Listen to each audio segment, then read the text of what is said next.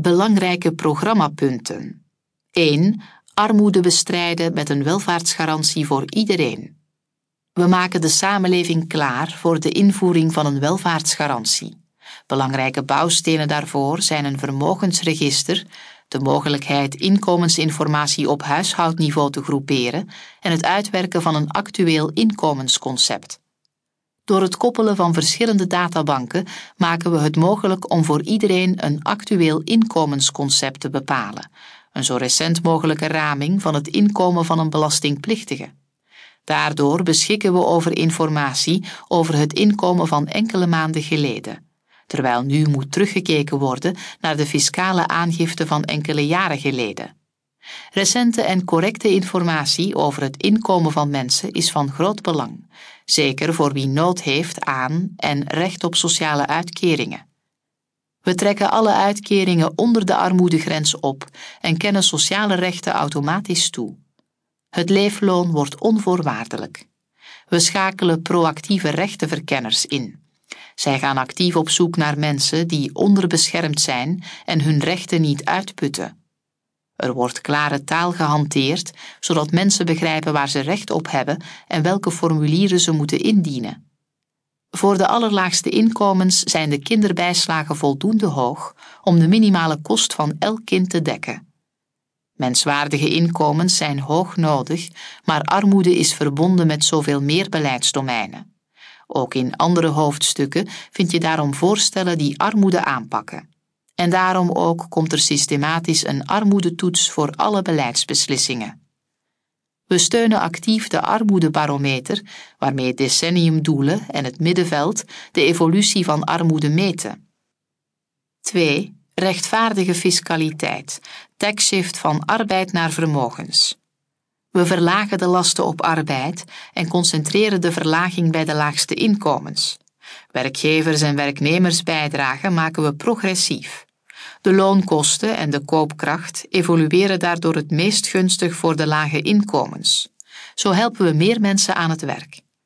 We vervangen de huidige lasten op vermogens en transactiebelastingen door één progressieve vermogensrendementsheffing.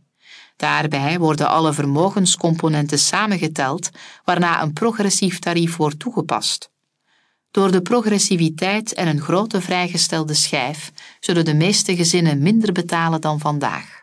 Dat heeft als voordeel dat de vermogens op eenzelfde manier belast worden, ongeacht de samenstelling van het vermogen, en dat belastingoptimalisatie van inkomsten uit vermogen irrelevant wordt. In aanloop naar de vermogensrendementsheffing schaven we de huidige belastingen bij. Roerende voorheffing onderwerpen we zo maximaal mogelijk aan progressieve tarieven.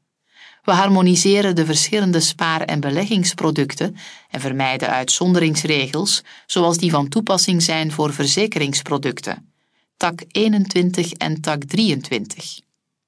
Ook onroerende voorheffing hervormen we in aanloop naar de vermogensrendementsheffing.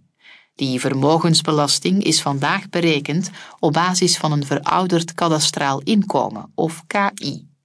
We gebruiken voortaan de geschatte marktwaarde als basis, zoals ook toegepast bij de berekening van de erfbelasting. We gebruiken het KI ook niet langer om binnenlandse huurinkomsten te belasten. Op korte termijn betalen verhuurders belastingen op basis van reële huurinkomsten. Op langere termijn integreren we ook huurinkomsten in de vermogensrendementsheffing. De registratierechten verdwijnen dankzij de vermogensrendementsheffing. Op korte termijn knippen we flink in de registratierechten door kopers meteen een fikse korting te geven in plaats van een woonbonus. Ook erf- en schenkbelastingen maken we overbodig met de invoering van een vermogensrendementsheffing. In de tussentijd verbreden we de belastingbasis door te snoeien in de vele vrijstellingen en gunsttarieven en de ontwijkingsmogelijkheden terug te dringen. We schaffen de effectentax af wanneer die kan worden opgevangen door een vermogensrendementsheffing. Ze is onrechtvaardig omdat ze enkel beursgenoteerde participaties op een effectenrekening belast en omdat progressiviteit ontbreekt. 3. Duurzame fiscaliteit, belastvervuiling. We doven de overheidssteun aan regionale luchthavens uit en heffen de vrijstelling op BTW en accijnzen voor vliegtickets en kerosine op. Op korte termijn voert ons land een luchtvaartheffing in. Zo werken we de oneerlijke concurrentie weg. We maken de alternatieven, zoals hoge snelheidstreinen, aantrekkelijker. We schaffen het fiscaal gunstregime voor salariswagens af en introduceren een mobiliteitsbudget voor elke werknemer. Dat bedrag hangt af van de woon-werkafstand en beloont verplaatsingen te voet en met de fiets. We evolueren geleidelijk naar een afstandsonafhankelijk budget om nabijheid van wonen en werken te belonen.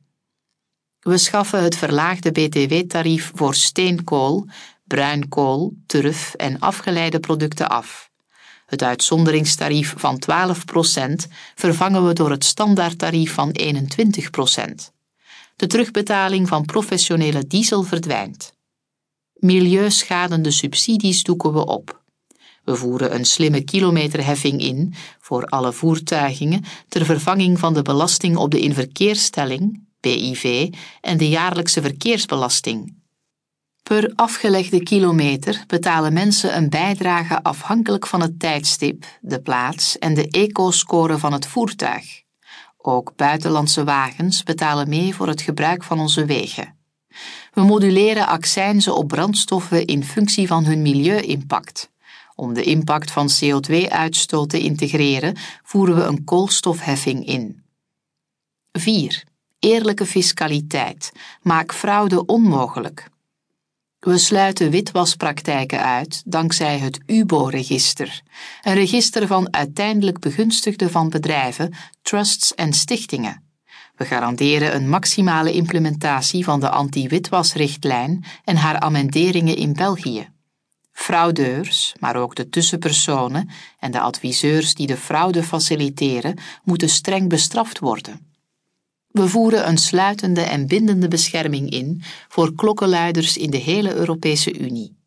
De onthullingen ten dienste van het algemeen belang gaan vaak gepaard met een hoge persoonlijke prijs.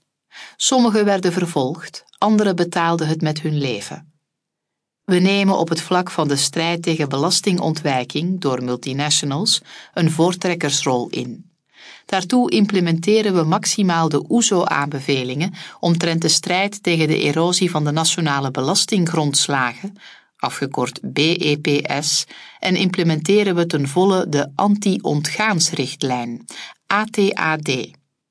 We hervormen de informele werkgroep die op Europees niveau de lijst van belastingparadijzen bepaalde, Code of Conduct Group on Business Taxation, tot een formele werkgroep met meer transparantie en meer ambitie. In eigen land voorzien we één uniforme en strenge lijst van belastingparadijzen die volgens een vast stramien wordt geëvalueerd. We voorkomen misbruik van dubbel belastingverdragen door multinationals door meer internationale samenwerking en multilaterale controles. Zo kunnen landen de krachten verenigen en vermijden we een neerwaartse spiraal van belastinginkomsten. Met ontwikkelingslanden heronderhandelen we de dubbelbelastingverdragen indien die een negatieve impact hebben op de inkomsten van ontwikkelingslanden. Ze moeten coherent zijn met het ontwikkelingsbeleid. We dwingen binnen een Europese context meer transparantie af bij multinationals door de land-per-land-rapportering publiek te maken.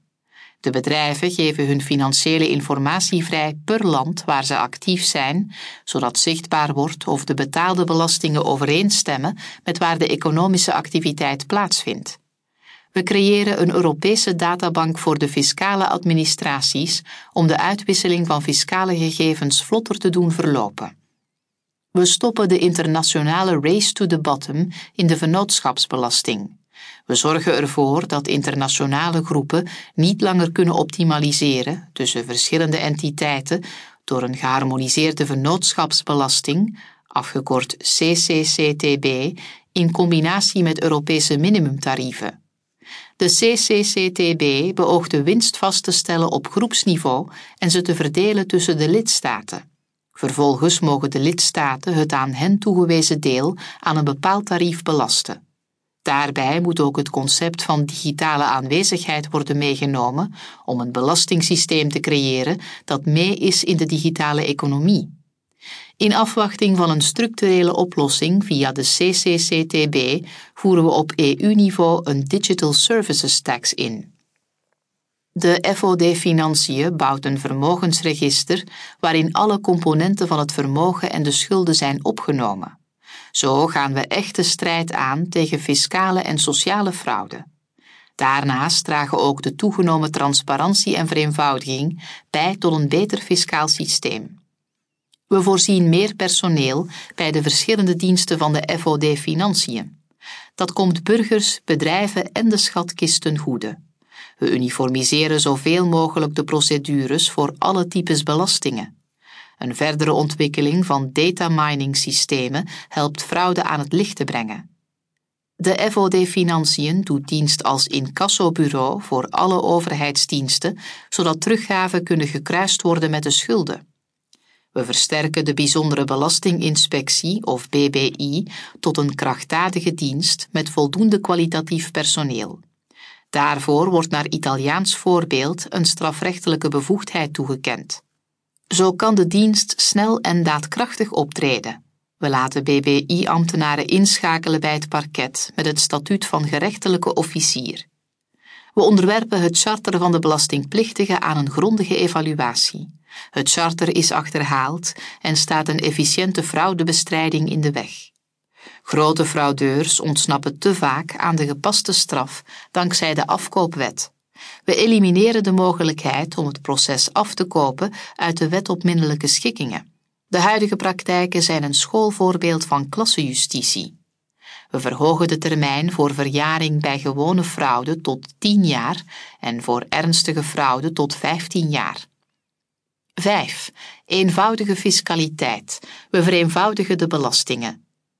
We gaan resoluut voor minder koterij in de personenbelasting. De uitbetaling gebeurt in euro's, niet in auto's en checks, waar vooral derden hun voordeel uithalen. Dat geeft mensen vrijheid. Extra legale voordelen laten we terug opgaan in de loonmassa. We maken dienstenchecks goedkoper bij aankoop door het fiscaal voordeel af te schaffen. Ook voor de derde pensioenpijler en lange termijn sparen verdwijnt dat voordeel. Met de middelen die vrijkomen verlagen we de lasten op arbeid. Alle inkomsten uit arbeid voegen we samen en onderwerpen we aan een progressieve belasting en sociale bijdrage. Een bonus van de werkgever is een leuke extra, maar wordt vandaag anders belast naar gelang het type. We schaffen ook die koterij af en behandelen bonussen als normale verloning. Zo wordt iedere belastingbetaler gelijk behandeld. Dat geldt ook voor inkomsten die verdiend worden uit bijklussen. Het onbelast bijverdienen schaffen we af. Dat is een uitholing van ons sociaal systeem en oneerlijke concurrentie voor zelfstandigen in hoofd- of bijberoep. We ontmantelen de wildgroei van fiscale steunmaatregelen ten voordele van werkgevers die actief zijn in specifieke sectoren. De vrijstelling voor sportbeoefenaars dooft uit. De steun voor werkgevers die wetenschappelijke onderzoekers bezoldigen, wordt omgezet naar gerichte financiering voor onderzoek en ontwikkeling, afgekort ONO. Het oneigenlijk gebruik van dergelijke maatregelen stoppen we op korte termijn. We snoeien verder in de uitzonderingen en verminderingen in de vennootschapsbelasting. We schrappen de resterende mogelijkheden tot interest aftrekken. De aftrek voor innovatieinkomsten binnen de vennootschapsbelasting vervangen we door meer gerichte innovatiesteun. Het stelsel van definitief belaste inkomsten wordt herzien en achterpoortjes om belastingen legaal te ontwijken worden gesloten. Het uitzonderlijke fiscaal gunstregime dat werd toegekend aan de diamantsector, de karaattax, passen we aan voor een eerlijkere bijdrage van de diamantbedrijven. Vennootschappen zouden in de eerste plaats moeten dienen om het ondernemersrisico in te perken. Vandaag worden zogeheten managementvennootschappen in hoofdzaak gebruikt om de beroepsinkomsten van de vennoot fiscaal te optimaliseren. Ten einde het louter fiscaal gebruik van een vennootschap niet verder aan te moedigen, zorgen we ervoor dat de verschillen tussen de personenbelasting en de vennootschapsbelasting tot een minimum worden beperkt.